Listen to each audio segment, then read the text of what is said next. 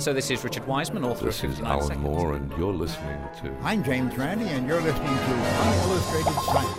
Så du, du leker jo Nei, du leker ikke Gud. Kan kurere kreft om fem år. For meg så er vel det her like nyttig som homøopati. Dødsannonsen. Forskningsnytt. Altså, jeg kan ikke lage en hårete planet. Nei, Nei. nei. Uillustrert vitenskap.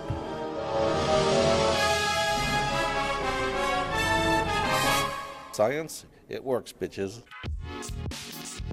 Peter Kristen Asbjørnsen kjenner du antagelig godt som eventyrsamler. Men hva har han med Darwin å gjøre? Det vil du få svar på i dagens sending av Uillustrert vitenskap, der du også får høre om drømmetydning og hvordan Dungeons and Dragons kan bidra til psykologisk forskning.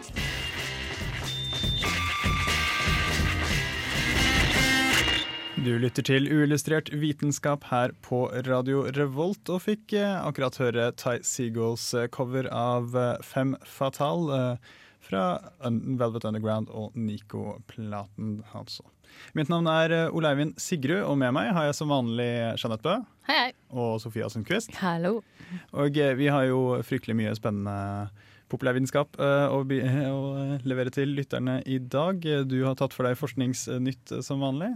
Ja, eh, det hadde seg sånn at denne uka her så har de fleste vitenskapelige artikler dreid seg om uvær. Det syns jeg var litt kjedelig, fikk nok av uvær. Så jeg har funnet, funnet ut et eh, Eller kommet over et TV-spill mot raserianfall hos barn. Og det høres eh, litt selvmotsigende ut, fordi jeg ble veldig sint eh, på TV-spill da jeg var barn. Spennende. Og eh, du har eh, ja, stupt eh, langt inn i folks eh, drømmer. Ja, vi skal ända bort till Asien och höra lite om hva de har for spennende tolkning av drømmer der.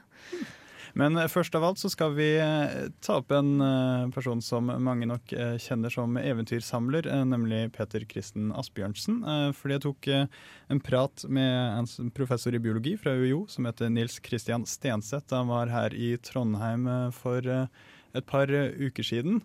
Eh, Og det intervjuet får du høre etter Pop Strangers med Heaven.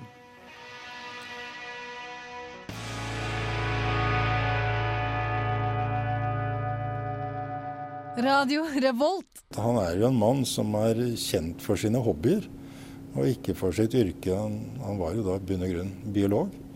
Han er kjent som eventyrsamler, han er kjent som kokebokforfatter. eh, Men i veldig liten grad som eh, den biolog han var. Personen dere hører her, er Nils Christian Stenseth. Professor i eh, økologi og evolusjon ved Universitetet i Oslo. Leder et senter for fremragende forskning der.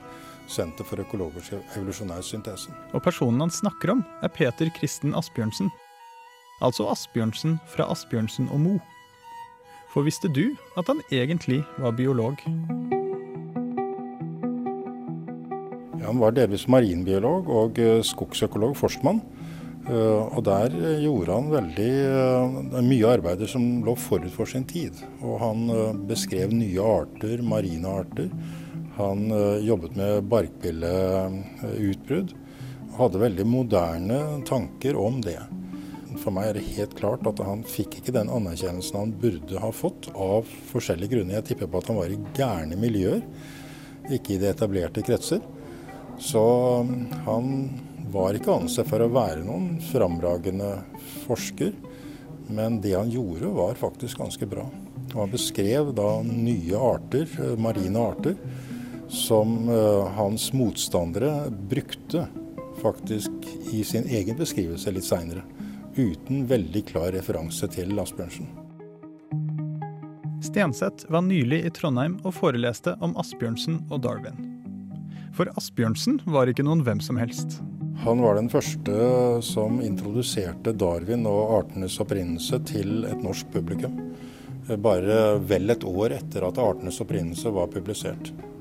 Han skjønte at eh, evolusjon, eller Darwins innsikt, kunne få konsekvenser for livsanskuelsen til forskjellige grupperinger av folk. Så han, eh, ja, han var en foregangsmann. Først ti år etterpå, eller uh, ca. ti år etterpå, så kom forskerne og, og introduserte han i forskerkretser. Så hvordan ble evolusjonsteorien mottatt i Norge? Den ble eh, motarbeidet av eh, kristne. Og på 70- til 80-tallet så skiftet uh, Bjørnstjerne Bjørnson fra å være mye mer åpen at uh, evolusjonslære og kristendom kan godt gå uh, hånd i hånd. Men på 80-tallet, og det var etter en debatt med ortodokse kristne, så ble han veldig bastant. Altså si at ingen intellektuell eller ingen dikter kan være kristen. Så det ble en veldig sånn polarisering uh, her i begynnelsen. Men dette er jo for så vidt fortsatt. Uh, fram til uh, forholdsvis nylig. Uh, Kjell Magne Bondevik, da han var undervisningsminister på midten på 80-tallet, 1980-tallet, så forsøkte han å bringe inn kreasjonisme i naturfagtimene.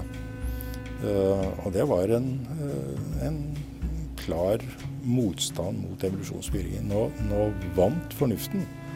Og det fikk ikke gjennomslag, men det var altså et forsøk på dette. her.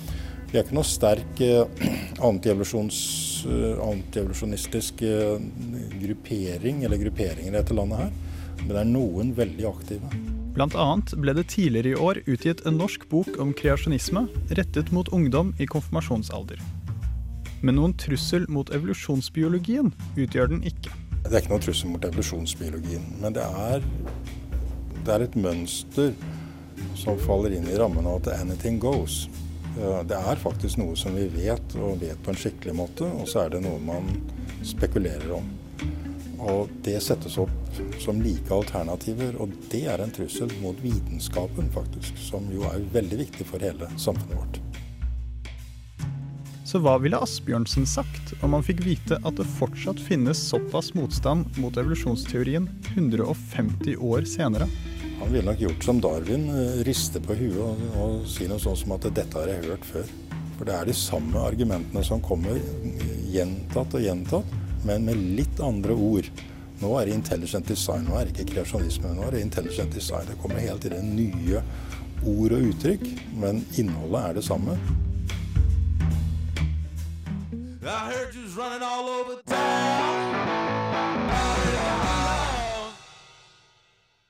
Say What You Want eh, av John the Conqueror hørte du der, her på Illustrert vitenskap eh, på radio Revolt. Og før det så hørte du et intervju med Nils Christian eh, Stenseth om Asbjørnsen og Darwin. Fordi vi kjenner ham jo godt som eventyrsamler, men det var ganske nytt for meg at han egentlig var biolog. Det lærte jeg ja. aldri på skolen. Det, det er litt skuffa over at jeg aldri har fått høre. Fordi, hva, hva er det han egentlig har utretta som biolog? Har han gjort noe stort?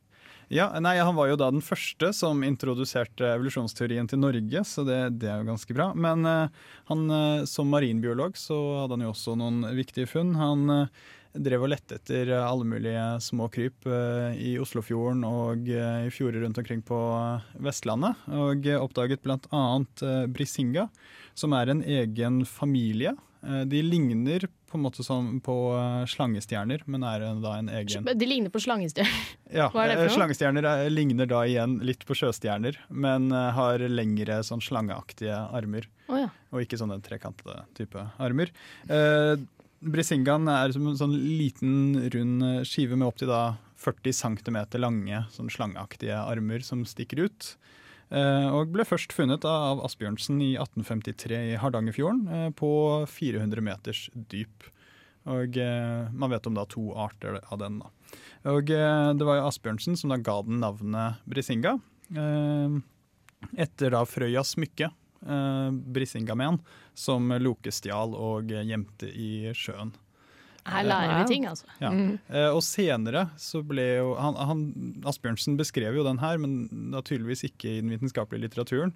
Senere så var det da en tysker som først på en måte presenterte den for den vitenskapelige litteraturen. Da. Og eh, da etter korrespondanse med en eh, norsk forsker. Og inni der så kom jo en del beskrivelser da direkte fra Asbjørnsen, men han ble da ikke kreditert. Nå i ettertid så har han jo blitt det, da, heldigvis. Bra. Eh, eh, det, ble, det, ble, nevnt at han var, han var, forut for sin tid, men hva er det han har gjort hva var det han var tidlig ute med, bortsett fra å lete etter slangestjerner? Nei, eh, det var jo da først og fremst som forstmann. Så, som forstmann? Ja, sånn skogkar. Ja. Skogsforsker. Så um, fokuserte han en del på disse barkbilene. Og eh, mente da at når skogen ble gammel, eventuelt syk av eh, ja, trær som veltet i vinden osv., så, videre, så ville det føre til en oppblomstring av barkbiller. Og til slutt vil de bli så mange at de da går løs på friske trær. Eh, og på den tiden så eh, var det her nye tanker. Eh, det her var ikke noe Eller han var da først ute med dette, og det er noe man nå vet stemmer. Så han var tidlig ute med litt sånn økologivinkling. da. Barkbiller. Sorry. Ja. Et dyr. Små insekter som eh, spiser opp eh, trær og sånn. Har de ikke det, i Sverige? Ja, det har vi nå. Annet ord, eller sier Ja, og så- var han jo også sånn generelt sånn folkeopplyser og en, eh, en kul kar. Han skrev bl.a. Naturhistorie for ungdommen, eh, et sånn seksbindsverk på sånn 2000 eh, sider. eh, Med beskrivelser av norsk natur. Og så er han jo også veldig kjent for denne kokeboken han skrev. Eh, Som kanskje ikke er fullt så interessant som eh, biologivirket hans. Men eh, det var én ting jeg bet merke til, var at eh, den kom i et andreopplag i 1865. Og der hadde han da tatt med et avsnitt om sopp, som gjorde at Asbjørnsen også var første nordmann som noensinne skrev om matsopp. Noe jeg synes er fryktelig sent. Ja, de må, jo ha, de må jo ha spist det veldig lenge. Jeg ville jo trodd det, men det ble da først beskrevet som matsopp i Norge i 1865 av da Asbjørnsen. Var det ikke engang hogg, hogget inn i stein? Det burde det vært. Altså et bilde av en sopp eh, på en fjellside eller et eller annet som man Et resept? resept? Det har jo vært snakk om sånn vikinger og fleinsopp. Jeg vet ikke om det er en myte eller om det faktisk stemte, men, men det er jo ikke akkurat matsopp. da. Nei, det, det er kanskje sant. Han hadde vært i Tyskland da og lært eh, å spise sopp. Men jeg hørte eh, Man nevnte Bjørnstjerne Bjørnson også. Det er, det er veldig mye folk jeg ikke forbinder med evolusjon og biologi og alt det her. Som, er, var, det, var det veldig in? Var det bare de her, eller var det bare de her to? Nei, eh, det var jo eh, altså, er, Evolusjonsteorien var jo en veldig revolusjonerende idé, så jeg skjønner veldig godt at folk bet seg merke i den. Bjørnstjerne Bjørnson var jo generelt også en sånn folkeopplyser og leste mye osv. Uh, men også Henrik Ibsen eh, var interessert i evolusjonsteorien, og i Villanden så skal han visstnok ha tatt opp en del sånn evolusjonsteoritrekk, da. Eh, ikke at jeg kan huske det fra Nei. den gangen vi leste Villanden på ungdomsskolen, men eh, det skal visstnok finnes der. Og eh, det hadde jo vært litt kult da hvis dagens forfattere, sånn Knausgård og sånn, eh, gikk ut i media med kronikker om eh, supersymmetri og, og LHC og sånne ting, men det skjer jo ikke. så det, Nei, jeg synd, det. det virker Det litt nei, det er kult når, eh, når Jeg vil ikke høre Knausgård uttale seg om LHC. Kanskje ikke Knausgård, da, men ja. Ja. det er litt kult at datidens store forfattere var, eh, var så engasjert i vitenskap. Men, mm. men nå, nå tar vi jo, eller folk flest tar jo kanskje evolusjonsteorien som en, en selvfølge, men så hører jeg at Kjell Magne Bondevik så sent som på 80-tallet slår et slag for kreasjonismen. Det var bra. Bra jobba. Ja, nei, det var jo da i 1985-86. Eh, så var jo da han statsråd i Kirke- og undervisningsdepartementet og prøvde å sidestille kreasjonisme med evolusjonsteorien. Eh, I læreplanen så står det da at skolen må opplyse om at det ikke foreligger noe endelig svar når det gjelder menneskehetens historie, og at det ikke behøver å være noe motsetningsforhold mellom naturvitenskapelige teorier og Bibelens lære om skapelse. Eh, Det vakte jo eh, debatt, og heldigvis så tapte da Bondevik. Eh, Men evolusjonsteorien fikk fortsatt en altfor liten plass da i læreplanen, spør du meg. Og jeg vil også si at den blir presentert altfor sent. Den kom jo stort sett inn sånn åttende-tiende klasse. Og ja. for å være ja, en fryktelig elegant vitenskapelig teori som egentlig er ganske lett å forstå, eh, og også en av de mer, mer eh, ja, viktigere og revolusjonerende ideene i menneskehetens historie, spør du meg, så synes jeg den burde komme inn tidligere. Eh, Det er også noen som har påpekt at eh, blant annet Stenseth som påpekte at eh, barn i første klasse lærer jo om Bibelens skapelseshistorie i religionsfaget, eh, men får ikke høre om evolusjonsteorien før i åttende klasse. Det blir litt feil, syns, eh, syns nå jeg. Eh, Men eh, evolusjonsteorien har egentlig aldri stått noe sånn spesielt sterkt i, i norske skoler. Det har heldigvis ikke vært kreasjonisme i norske skoler, men Darwin ble ikke nevnt i pensum i grunnskolen før 1970. Oi. Eh, noe jeg syns er helt sprøtt. Og før det så var det bare takket være enkeltprofessorer uh, osv., bl.a. av Kristine Bondevie, Norges første kvinnelige professor, som da populariserte dette på 20-30-tallet, men da utenfor skoleverket. da. Så du hadde evolusjonskurs eh, på siden? Uh, ja, eller skrev en del eh, verk om det. Da. Ja, aktivist. Bra. Kvinner. Mm. Men eh, det er jo ikke da bare på 80-tallet. Eh, blant annet for to år siden så var det en tidligere skolebyråd i Bergen som eh, skrev en Bergen, kronikk i Bergens Tidende om evolusjonsteorien om at det ikke helt var noe stas å ha i skolen. Da. Og fikk støtte fra en sittende byrådsmedlem. Så ja, kampen er ikke helt over, selv om de har jo tapt. Ja, det har de. Vi skal eh, over til noen forskningsnyheter etter vi har hørt Hålogalandslaget Alt ho vil ha.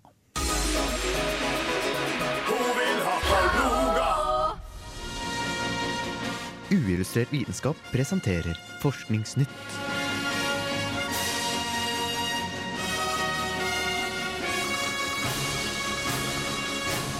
Forskningsnytt.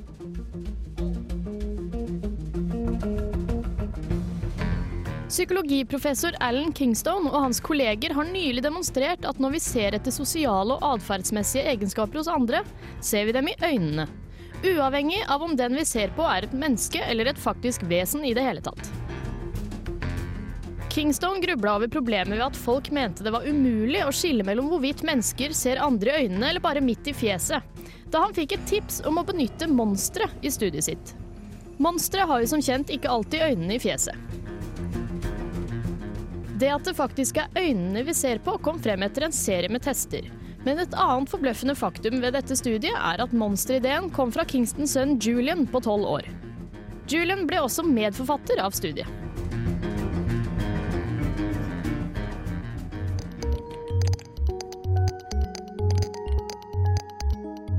Kunstige muskler kan lages av kabler på trinser drevet av damp, eller av sammensurrede nanokarbonrør. Men det har vært vanskelig å kopiere måten muskelcellene trekker seg sammen og slapper av på, kun ved hjelp av små impulser fra hjernen. Nå kan et fransk forskningsprosjekt ha funnet løsningen på dette, da det har vist seg at det er mulig å lage molekyler som reagerer på pH-endringer i en løsning. Molekylet som er tatt i bruk, kalles rotaxan, og disse molekylene sitter tett sammen ved høy pH og lenger fra hverandre ved lav pH. Det er fortsatt lenge til vi kan lage en kunstig muskel, men dette studiet demonstrerer et godt prinsipp. Det neste steget vil da være å få rotaxankjedene opp i stor nok skala til å danne fiber.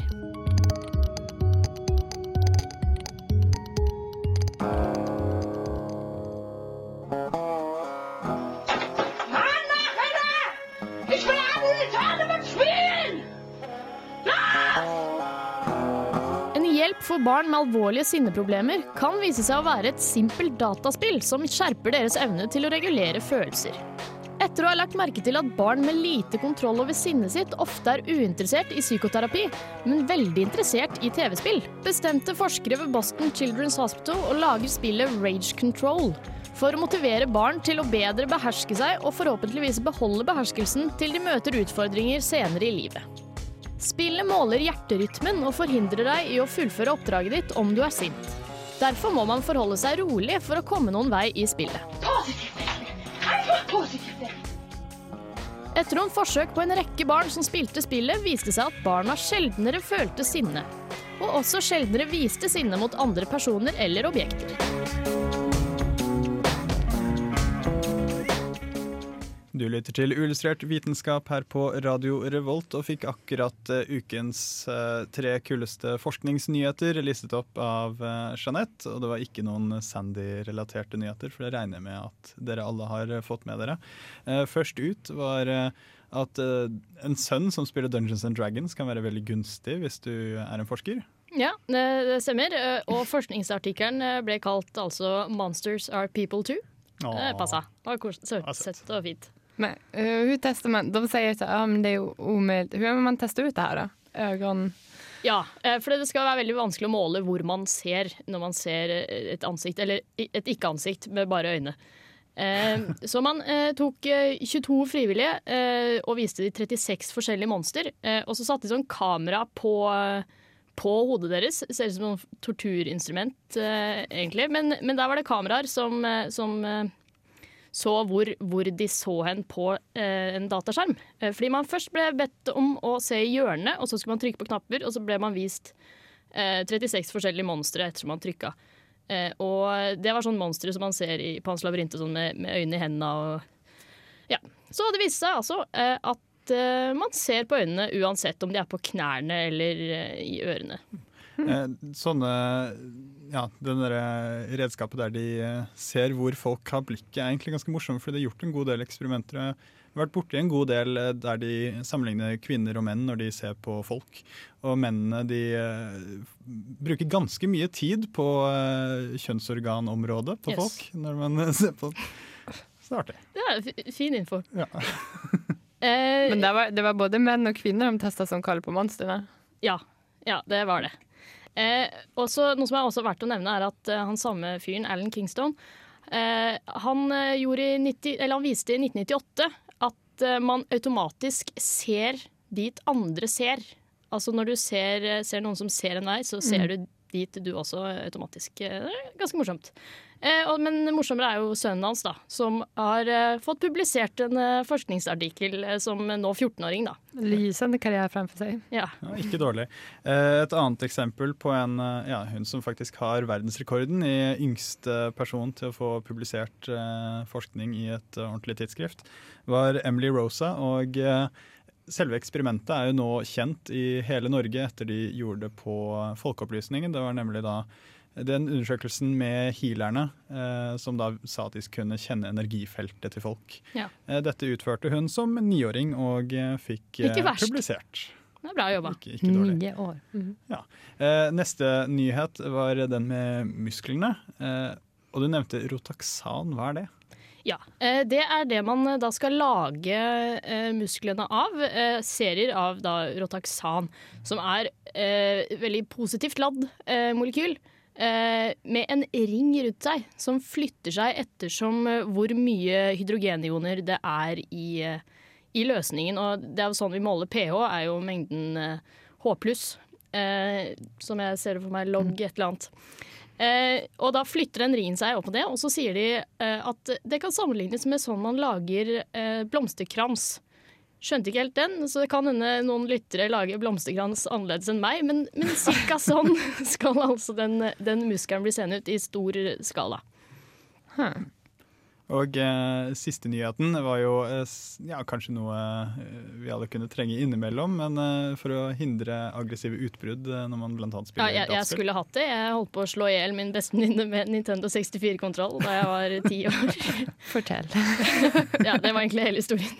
Rage-kontroll. Hva er det for spill, da?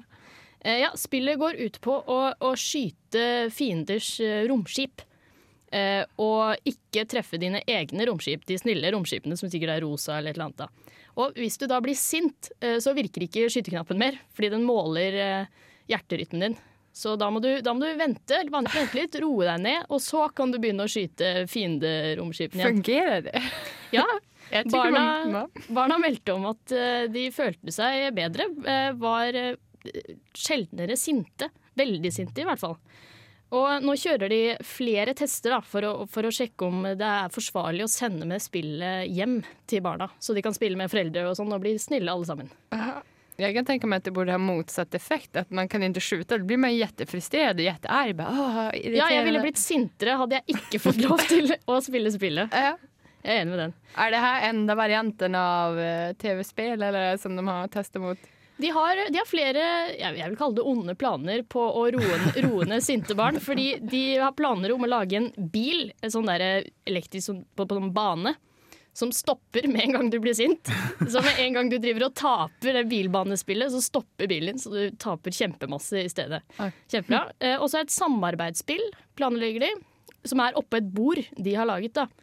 Så da to barn står og stabler blokker om å gjøre å få høyest tårn, men hvis du blir sint hvis du blir sint på den andre spilleren, så, så begynner bordet å vingle, og alt raser ned.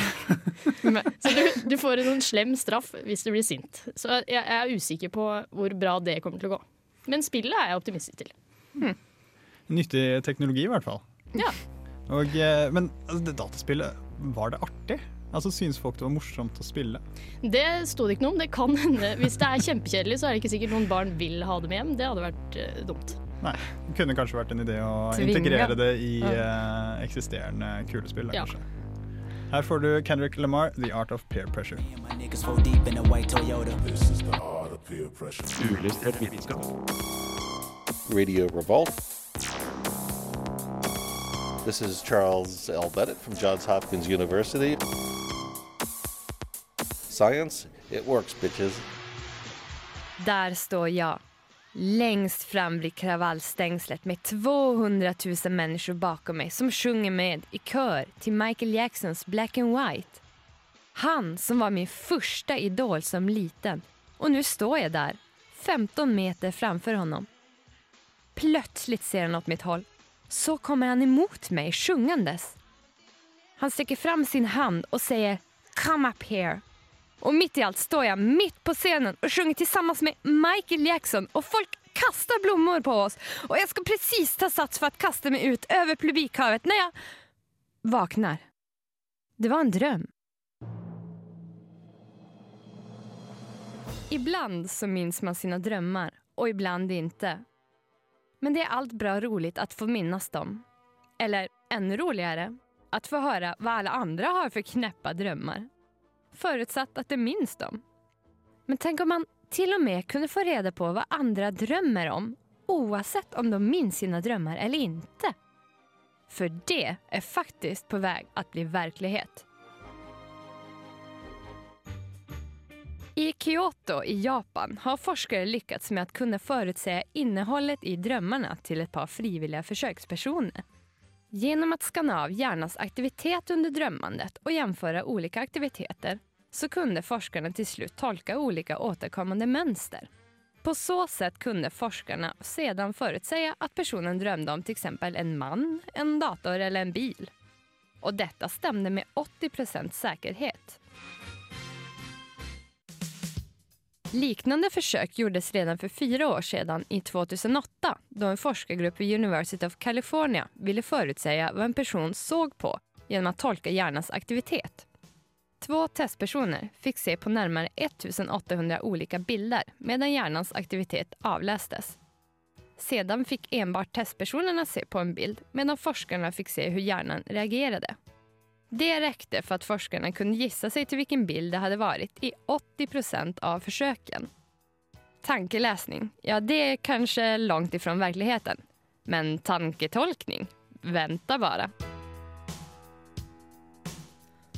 Ja, Det ser ut til at det er en stund til man kan virkelig tyde drømmene, men eh, de er på vei. Mm. Eh, Så eh, hvordan har de gjort denne forskningen?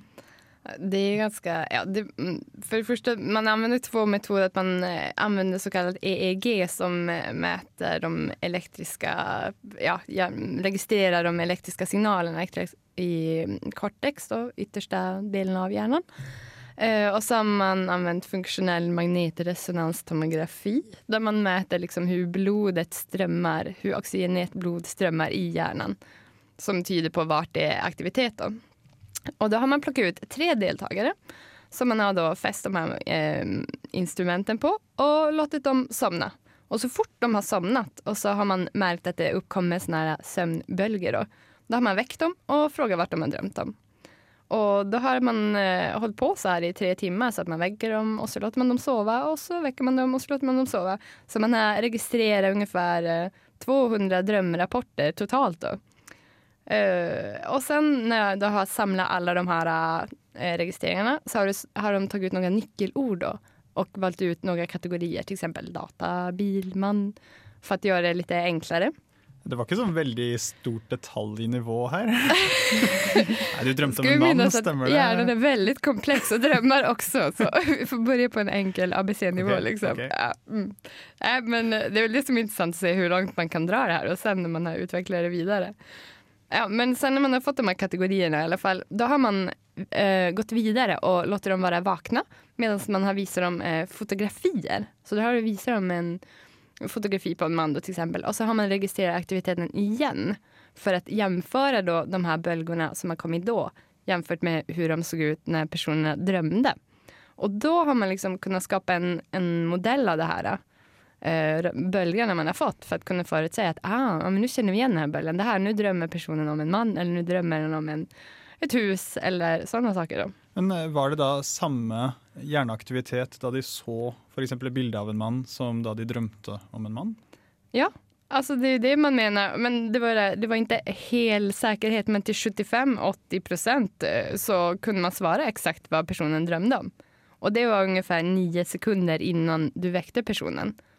Så de, det som hendte just de sekundene innan man vekte personen, det ja, stemte med 75-80 procent av gangene at det var korrekt. Så det er, ganske, det er ganske fantastisk. det er ganske coolt. Ja, det er ganske tøft. Ja. Eh, men her da, de eh, fikk altså eh, disse testpersonene til å si hva de hadde drømt, og så kunne de da se på jernbil- disse skannene. Mm. Og så ut ifra det, så neste gang de drømte, så kunne de se på skannen om de drømte noe av det.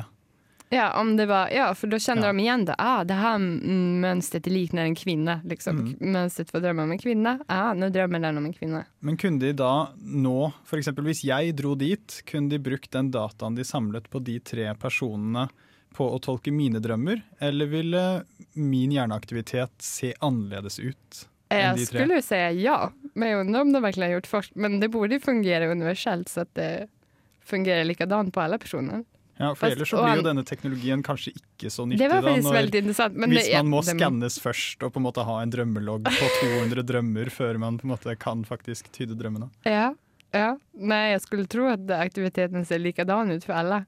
Men det er jo veldig lite hjärn, det er jo veldig komplekst hele greien, hvordan hjernen fungerer, hvordan man tenker. og hur, sådär. Men det var en interessant greie. Hett tips til Mm. de som eh, driver med nevrovitenskap her i Trondheim, altså eh, teste på eh, andre folk. Eh, Men Mhm. har dette egentlig noen nytteverdi, annet enn at drømmer er veldig fascinerende? Det er jo skitkul. Og det, det er det?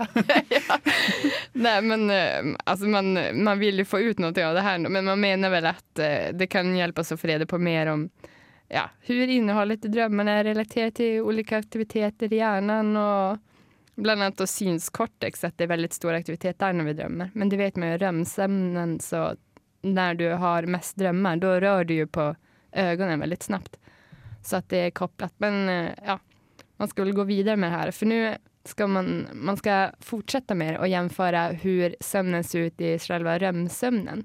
För sömnen är uppdelad i olika faser och det här var en annan fas som är just när du har somnat medan REM drömmer ungefär. Eller det dröjer en och en halv timme innan du kommer in i den. Så ska Ja, man fortsette fortsätta och göra vidare forskning på det och se liksom. Spennende. Ja. Tror du vi eh, kommer til det stadiet der vi kan drive med Inception? Det hadde jo vært veldig Ja, kanskje. Gå inn i folks men eh, drømmer, forandre på ting. Hvem vet om en tusen år til? Hva tror ni? kanskje. Ja, eh, jeg vil for så vidt ytre litt bekymring om at dette her kan være fryktelig farlig i hendene på litt sånn paranoide partnere. Har en mistanke, og jeg leser drømmene dine og bare Aha, du drømte om den og den personen. Nej, det gjorde jeg jo. Jeg så det. Vi skal faktisk gjenopplive en gammel spalte her i Uillustrert vitenskap etter Lars Bygdén med The Hole.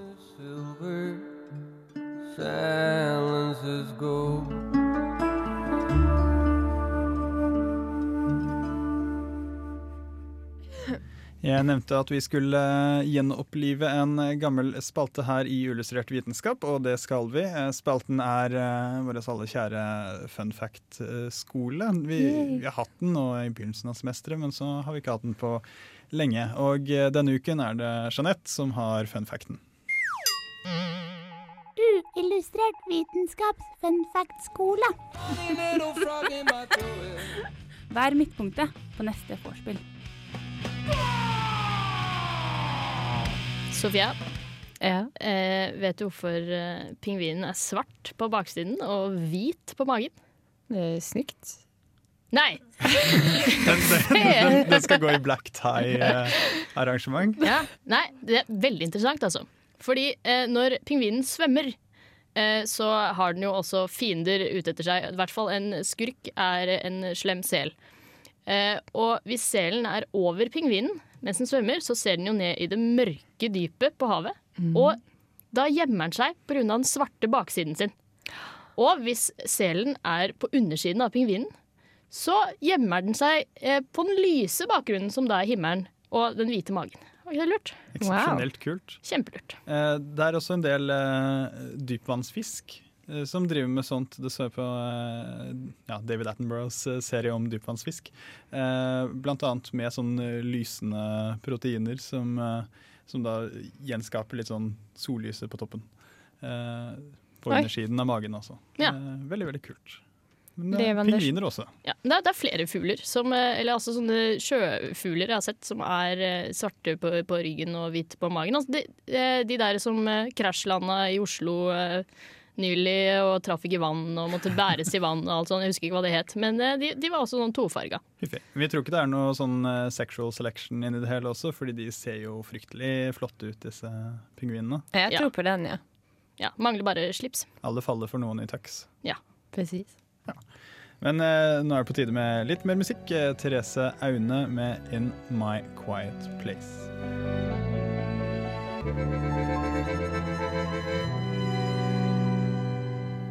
Therese Aune hørte dere der, og vi begynner eh, å gå eh, dessverre tom for tid her i Ullustrert Illustrert vitenskap. Hvis du skrudde på radioen din eh, midt i dette programmet og likte hva du hørte, eventuelt har en mistanke om at du ville like det vi snakket om tidligere, så kan du sjekke ut vår podkast. Den finner du i iTunes eller på radiorevolt.no slash podkast med K. Eh, Vi har også på nettsidene våre et radioarkiv der dere kan høre våre sendinger med musikk. Eh, Så er vi jo glad i lytterspørsmål her i Illustrert, er vi ikke det? Mhm. De eh, kan sendes til oss på Twitter, der heter vi Uillustrert, eller på Facebook-siden vår. Eventuelt på mail uv at radiorevolt.no. Med i denne sendingen har det vært Jeanette Bø og Sofia Sundquist. Mitt navn er Ole Eivind Sigrud, og vår tekniker heter Rune Stana. Bli sittende, for eh, her på Radio Revolt eh, kommer dataspillprogrammet Kontroll Alt Elite, og jeg har hørt snakk om at eh, de har en Halloween-spesial. Ja. Happy Halloween!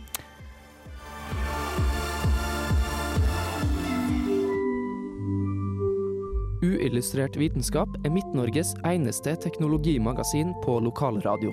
Og vi snakker om alt fra populærvitenskap til sære forskningsprosjekt ved NTNU.